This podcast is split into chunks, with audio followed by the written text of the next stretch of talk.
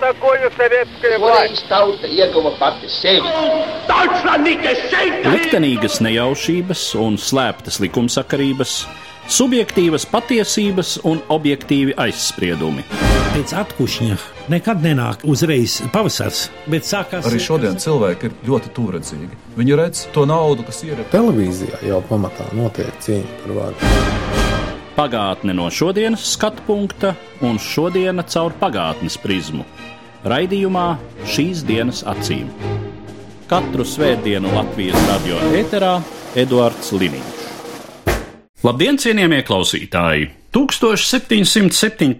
gada 24. jūnijā, Jāņu dienā, Londonas krodziņā Zos un Cepamrestes pulcējās domājams vairāki desmiti vīru, kuri nodibināja, kā toreiz to nosauca, Londonas un Vestminsteras brīvmūrnieku lielložu.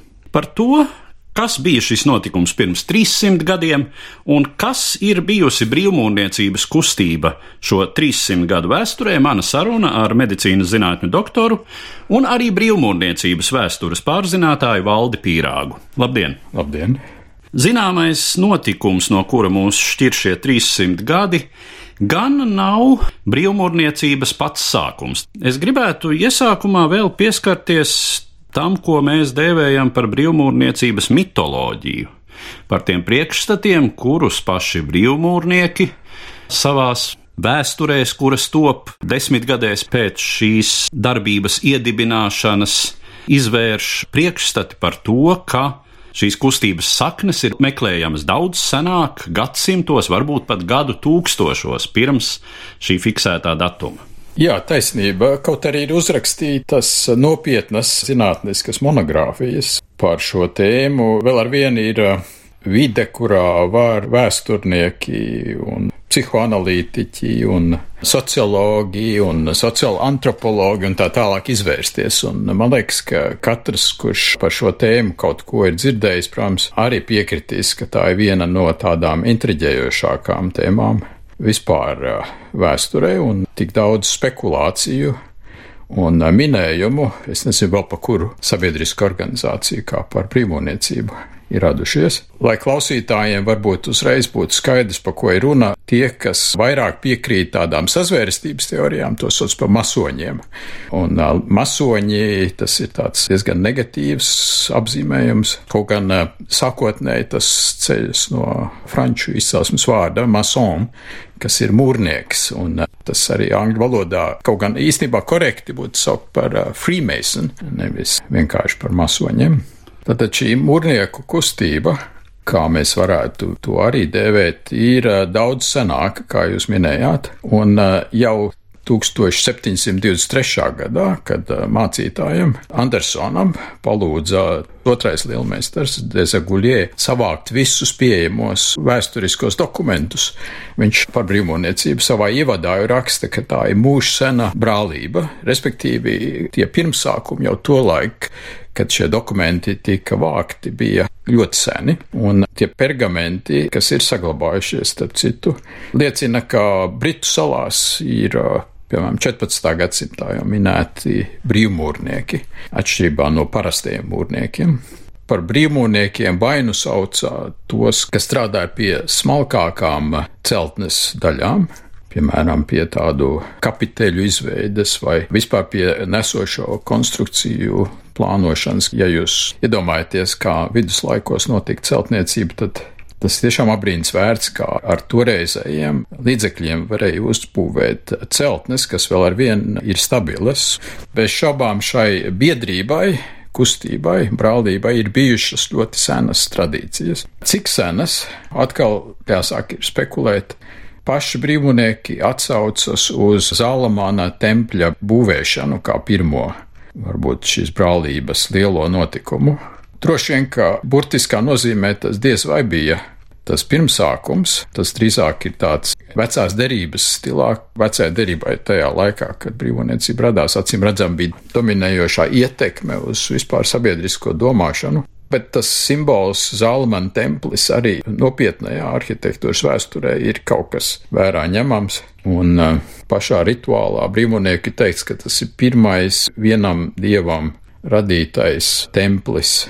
Tā kā šī tradīcija ar Zālamana templi, ar ķēniņu Hirāmu, vecā darbā tiešām atrodami psalmi par to, kā Zālamans aicināja tīras ķēniņu Hirāmu ar viņa celtniekiem, lai uzbūvētu šo vareno būvi Jeruzalemē. Tas ir fiksēts. Vai ir vēl kādi pirmsākumi? Visticamāk, pēc leģendām spriežot uh, un pēc pašiem brīvmonieku rituāliem, tur ir bijusi liela ietekme šīm tā saucamajām mistēriju biedrībām, kas arī pastāvēja no antīkās pasaules laikiem. Un viņas gan pazuda lielā mērā oficiāli līdz ar uh, kristīgās ticības dominanci, bet tas, ka otrā plānā šādas biedrības ir turpinājuši eksistēt, arī šķiet ir vēsturiski pierādāms fakts, un uh, bieži vien šīs biedrības dēvēja par ķeceriem, piemēram, Katari, Dienvidfrancijā. Ja es uz Karkasonu aizbrauktu, tad tur ir redzams tas milzu cietoksnis, ko Katari ir uzbūvējuši. Krusta kari bija pret Katariem, tā kā šīs slepenās biedrības arī ir pastāvējušas. Brīvmonīcība ir uzsūkusi daļu no arī šīs tradīcijas. Nu, un trešā tradīcija, šķiet, kas ir pilnīgi noteikti atrodama arī rituālos, ir templiešu ordeņa tradīcija.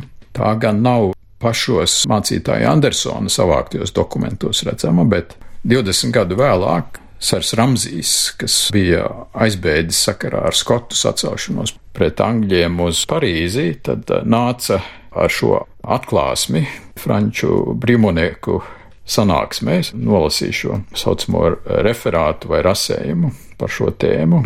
Tā kā man liekas, ka pietiek ar šīm trim tradīcijām, lai jau saprastu, cik senā organizācija tā varētu būt nerakstītajos pirmsākumos, bet, kā jūs minējāt, tas oficiālais datums ir Jāņa Kristītāja diena 1717. gadā Londonā. Ar šiem aizsākumiem 18. gadsimtā mēs sākam runāt par tā dēvēto spekulatīvo brīvmūrniecību. Tātad ļaudīm, kas saglabājot savās darbībās brīvmūrniecības simboliku ar mūrnieku un akmeņkaļu darbiem saistītus elementus, kaut vai visiem zināmais brīvmūrnieku priekšautiņš kā piederības zīme. Pirms tam ja mēs runājam par brīvmūrniecību kā sociālu parādību viduslaikos, tā ir viena no cunftēm, no amatnieku brālībām, taču sevišķa. Acīm redzot, pirmkārt ar to, ka šīs brīvmūrnieku vienības bija mobilas, kas viduslaikos nebūtu, nebija raksturīgi vispār sabiedrībai. Sabiedrība jau bija salīdzinoši ļoti nemobila, un cilvēki, kuri kādā vietā piedzima, Vairumā gadījumu tur savu mūžu arī nodzīvoja, un tas attiecas ne tikai varbūt uz zemniekiem, bet tas attiecas arī uz pilsētu amatniekiem, tas attiecas arī uz dišciltīgajiem, sevišķi tiem, kuri mantoja titulu un zemi un līdz ar to atbildību. Bet brīvmūrnieki tādi brīvības nesēji tieši šai mobilitātes nozīmē. Viņu amats paredzēja pārvietošanos, jo šādas nozīmīgas būves, kas bija pirmām kārtām dievnami un otrām kārtām fortifikācijas būves, kas varēja sakrist ar augstmaņu dzīves vietām, bija ceļamas salīdzinoši reti vienā lokācijā. Tātad viņi pabeidza darbu pie šādas būves vienu vietu un tad pārceļoja uz kādu citu vietu. Un tas viņiem piešķīra šo brīvības statusu, kas izpaudās kā šī pārvietošanās brīvība pirmām kārtām, kuras nebija lielum lielajam vairumam viņu laika biedru. Laikam tas arī ir viens no tiem elementiem, kas padarīja šīs viduslaiku brālības par tādu atdarināšanas un iekļaušanas elementu tā sauktajai spekulatīvai brīvmūrniecībai, kurā vairs nebija mūrnieki, bet dažādu profesiju ļaudis. Jā, vārds eh, spekulācija šajā gadījumā ir kaut kas cits nekā parasti tautas valodā to saprot. Un uh, patiesi, ka atšķirībā no sauktās operatīvās brīvmūniecības, šī spekulatīvā brīvmūniecība ir jaunāks fenomens. Cik jauns arī grūti precīzi pateikt, bet ir fiksēts, ka brīvmūnieku ložā tika uzņemts alķīmiķis Sērs Ešmals 17. gadsimtā, kas bija labā roka Izakam Ņūtonam, slavenajam natūra filozofam un fiziķim, kurš savukārt bija klāt pie karaliskās biedrības dibināšanas Londonā. tāpat kā Sers Rēns, kas bija acīm redzami brīvmūrnieku vadītājs 17. gadsimta nogalē, kad tika atjaunota Londona pēc lielā ugunsgrēka 1660. gadā. Senpola katedrāle, piemēram, abrīns vērts Rēna meistardarbs. Kā šī klāt pieņemšana sākās? Brīvmūniecības vēsturnieki uzskata, ka tas ir bijis gadsimtiem ilgs process, un sākotnēji šie klāt pieņemtie bija tie, kuri bija dišciltīgi cilvēki, kuriem bija kaut kāds sakars ar jau pieminēto lielo būvju celtniecību un viduslaiku sabiedrībā, kuru mēs tikai ar grūtībām, dzīvesveidu un mentalitāti mūsdienās saprotam tiešām bija tā, ka kārtu sabiedrība, kas centās nekādi nesajaukties kopā, vismaz ģimeniskā veidā, ārlaulības sakari, protams, bija starp kārtām, bet dzimtā pieņemšana, legalizācija tas bija nepārvarāmi gandrīz. No šiem dišciltīgajiem tie, kas bija kaut kādā veidā šie būvju oficiālie pārziņi pie viduslaika sabiedrības, arī varēja tikt klāt pieņemti šīs brīvmūrnieku ložās. Vārds loža arī nav nekas tāds unikāls. Loža vai loģija, kā reizēm saka, no itāļu valodas ietekmē latviski. Ir tāda amatnieku pagaidu patvēršanās vieta pie lielās būves, ko būvē kā katedrāli vai kādu pili, tad tāda pagaidu koka mājiņa ar sanāksmi vietu, tad tika saukt arī par ložu. Tas, kas bija īpašs, protams, ka Jau kopš viduslaikiem šīm eh, akmeņkaļu ģildēm ir bijuša īpaša pazīšanās, un eh, jau pieminētā ceļošana apkārt pa pasauli prasīja arī to, lai būtu kādas pazīšanās. Un tajā laikā bija grūti izdomāt mūsdienu, kā angļuiski saka, credentials, apliecinājumus, certifikātus. Ir, protams, šie pergamenti ar karaļu zīmogiem, piemēram, bet tie netika lietoti amatnieku vidū, un uh, tur tos aizstāja kaut kādas īpašas pazīšanās zīmes. Un tās ir interesantā veidā saglabājušās arī brīvmūniecībā. Kā var atpazīt viens brīvmūnieks otru caur zīmi vai ar kādu īpašo vārdu, kas tiek mainīts atbilstoši viņa pakāpētanī brīvmūnieku hierarhijā. Otrs, ka vēl ar vienu saglabājusies formula, kuru varētu uzņemt brīvmūniecībā un tad lieto tādu vienkāršu teikumu brīvs vīrs ar labu slavu. Tas acīm redzam arī ir ļoti sena formula, kā brīvmūnieki saprata.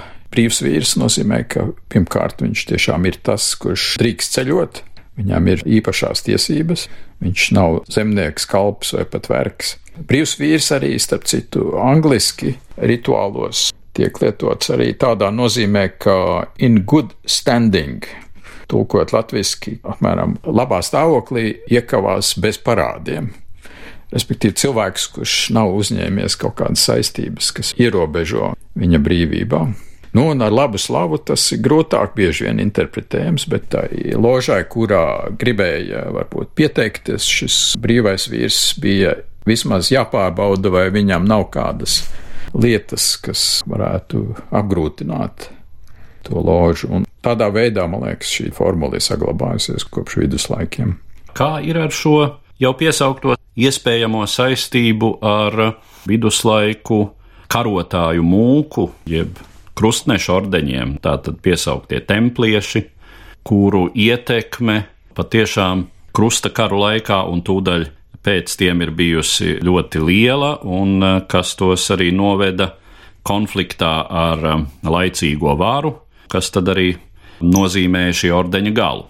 Protams, ar templiešiem saistās arī dzen spilgti un beletristiski iedvesmojoši motīvi un uh, sižeti. Gan par svētā grāla atrašanu, gan citām mistiskām senām zināšanām, kuras iespējams templieši ir ieguvuši, atklājuši, esot tur svētajā zemē, kas tur tad ir glabātas, kas to zina atkal kopš kādiem bībeliskiem aizlaikiem. Cik tajā visā ir faktoloģiski konstatējama kodola? Šeit arī var tikai spekulēt, mēģināt uh, salikt kopā daudzus faktus, varbūt starp kuriem ir grūti pierādāmā cēloniskā saistība. Bet tie fakti, ko tradicionāli brīvmūniecības pētnieki min, ka patiesi templiešu ordeņa rašanās un tie uzdevumi, kas bija jāveic Jeruzalemē, tie lielā mērā varētu būt līdzīgi ar brīvmūniecības pirmsākumiem, un tas ir atkal tas Jeruzalemes Zalmana templis, un tad, kad bija krusta kāri, tad ebreju tempļa vietā, Zalmana tempļa vietā jau stāvēja cits templis, tā bija mošeja. Piedāvājām vairākas mošejas. Tā mošeja, ko visi zina, droši vien ir tā ar to zelta kupolu, ko sauc Klints mošeja, jeb Klints templis. Un otrā mošeja ir Al-Aksa, tieši tā vieta, kuru piešķīra pirmais Jeruzalemes kristiešu ķēniņš pēc iekarošanas šim te mūku ordenim, kas vēlāk tika nosaukts kalna vārdā par tempļu ordeni. No vienas puses ir populārs stāsts, ka tie bijuši mūki, kur uzdevums bija apsargāt svētceļniekus viņu ceļā uz Jeruzalemi no Eiropas pret laupītājiem kas šķiet ir tikai viena daļa. Tas, ko dokumentāli var saprast, ka tas sākotnējs uzdevums bijis ir tempļa kalnā izpētīt un veikt arheoloģiskus izrakumus. Un tas ilgu laiku tika uzskatīts varbūt arī par spekulāciju, bet britu arheologi, kad bija Palestīnas bandāta teritorija līdz otram pasaules karam, mēģināja pārbaudīt, vai tās leģendas ir taisnība vai nē. Un ir aprakstīts, ka ir izrakumi veikti tuneļos zem Templi kalna. Un, kad tos izrakumus ir veikuši templieši 12. gadsimtā, tas arī šķiet bija dokumentēts. Respektīvi, šis templiešu ordenis bija ar īpašu uzdevumu dibināts, un viņi ir meklējuši, vai ir tiešām zem tempļa saglabājušās šīs arkas, jeb velves, kurās ir bijis paslēpts derības šķirsts pēc Zalmana tempļa nopostīšanas. Vai viņi to ir atraduši? Ticamāk, nē, bet to mēs nezinām. Krustkaros kristieši cieta zaudējumu apmēram simts gadu laikā un tika padzīti no svētās zemes bet templiešu ordenis turpināja pastāvēt, un tā bija īpaša sistēma, kā nodot kādu ziņojumu arī ar slepeno vārdu vai ar zīmi, kurus zināja tikai tas, kuram bija jāsaņem šī naudas summa, piemēram, jo svētceļnieki atstāja savu īpašumu, piemēram, Francijā, iesēdās kuģos, izsēdās svētajā zemē, un, ja templiešu ordenis viņiem bija garantējis un iedevis šo slepeno vārdu Francijā, viņš tādu pašu summu, kas atbildi šim vārdam, varēja saņemt svētajā zemē. Tā ir īpatnēja, primitīva, bet efektīva banku sistēma. Sava veida tā laika pinkots. pinkots, kas tiešām darbojās.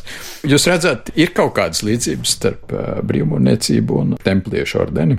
Vēl kā gluži interesantas spekulācijas ir tas, ka pēc tam, kad Francijas ķēniņš Filips Skaistais aizliedza ordeni un konfiscēja visus tā īpašumus, Klimants V, Romas pāvests, apstiprināja ar savu būlu šo aizliegumu un pavēlēja visās katoļu baznīcai padotajās ķēniņu valstīs sākt vajāšanu un konfiscēšanu ir tiešām dokumentēts, ka tika apcietināti templiešu bruņinieki. Pēdējais lielmeistars tika sadedzināts uz sārta Parīzē pie Notre Dame svētās diamātas katedrāles.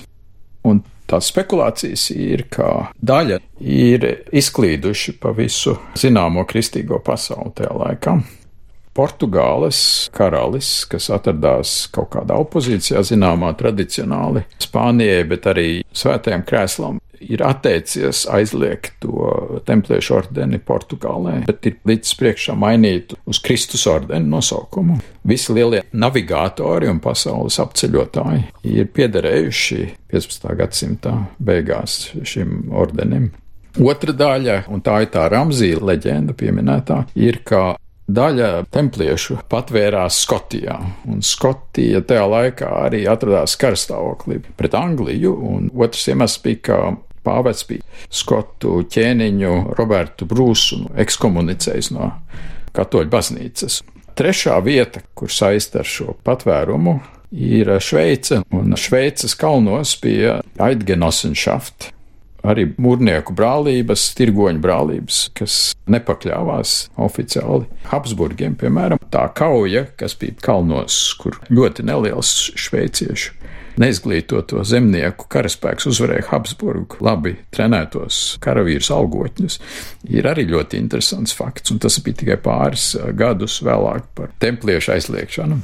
Šveices banku sistēma lielā mērā attīstījās, iespējams, pateicoties šīm arī slepenajām zināšanām, kas bija templiešiem. Redziet, cik daudz interesantu spekulāciju, nemaz nerunājot arī par saistību ar, ar Latvijas teritoriju templiešiem.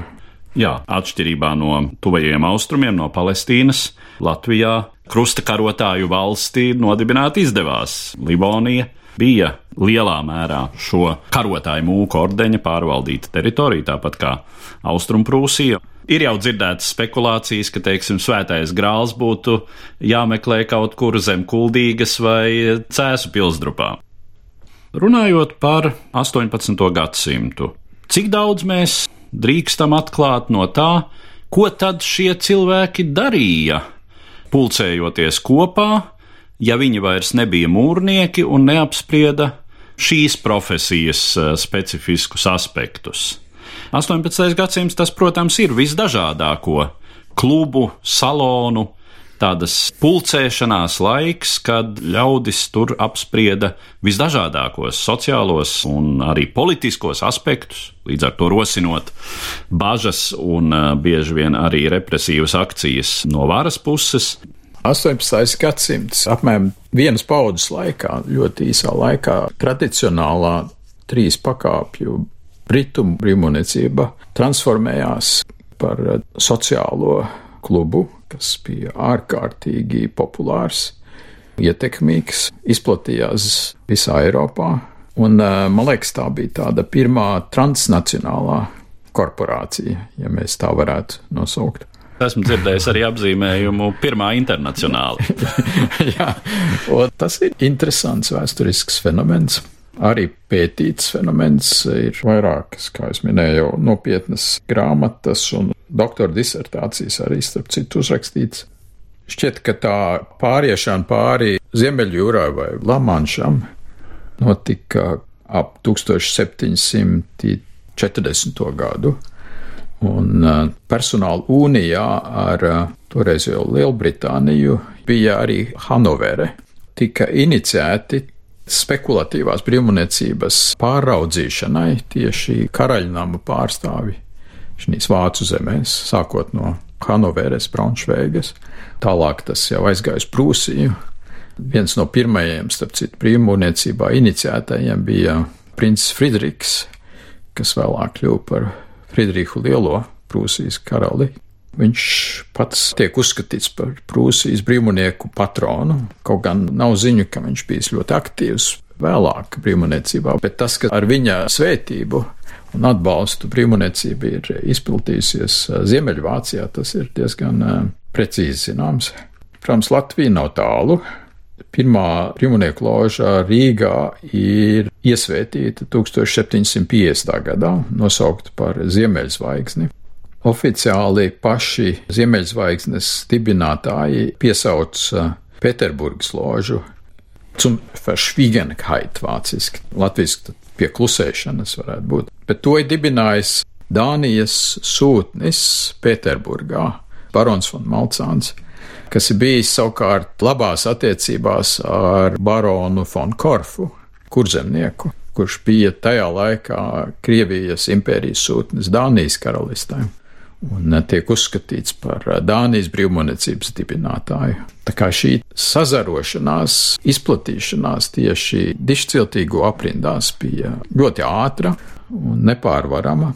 Tas bija īsi pirms septiņu gadu kara, kas tiek arī uzskatīts par Pirmo pasaules karu. Šis karš izveidoja pretrunas starp valdniekiem un armijām, bet tajā pašā laikā, tad otrajā plānā eksistēja šī transnacionālā biedrība vai internacionāli, kas ļāva šai sadrumstalotajai Eiropai, kas vēl turpmākos 100-200 gadus turpinās ķīvēties līdz Eiropas Savienības izveidei šādu vidi, kurā varēja no vienas puses būt brīva doma apmaiņa, tikšanās arī ar šīm pazīšanām zīmēm apliecinot, ka ir šī piedrība. Bet tajā laikā jau sāk arī lietot oficiālus certifikātus un apliecinājums ar vaska zīmogiem.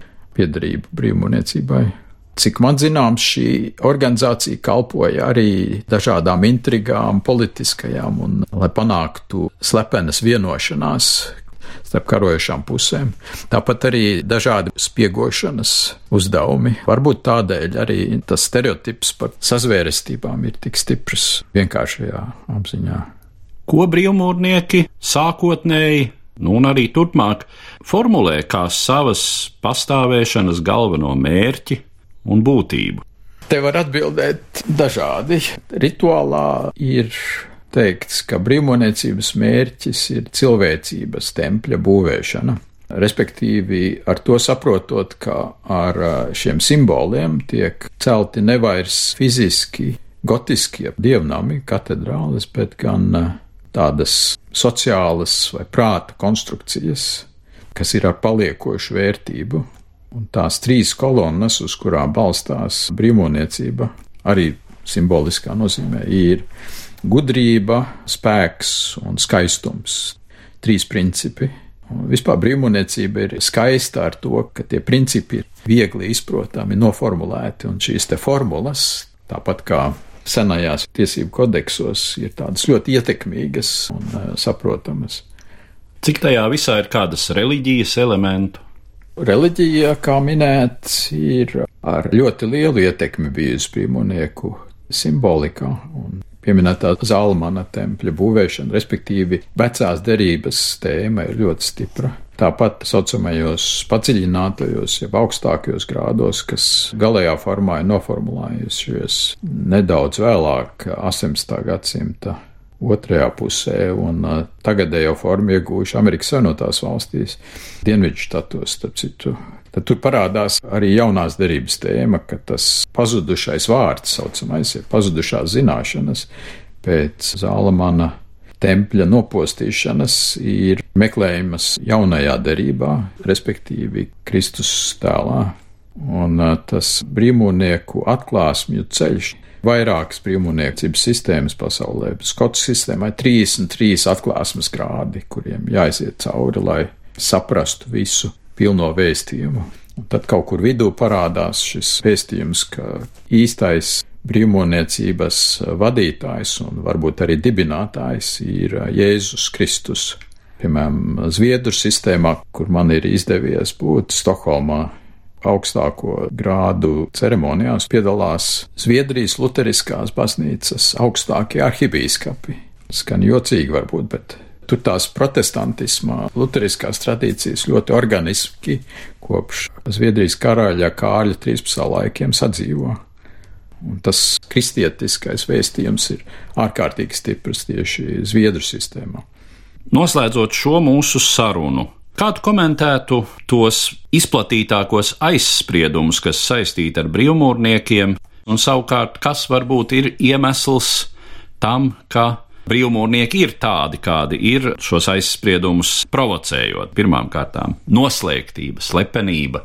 Modernajam cilvēkam nav pieņemamas varbūt šīs saucamās slepenās biedrības, kaut gan stingri ņemot brīvmūniecība nav slepena biedrība.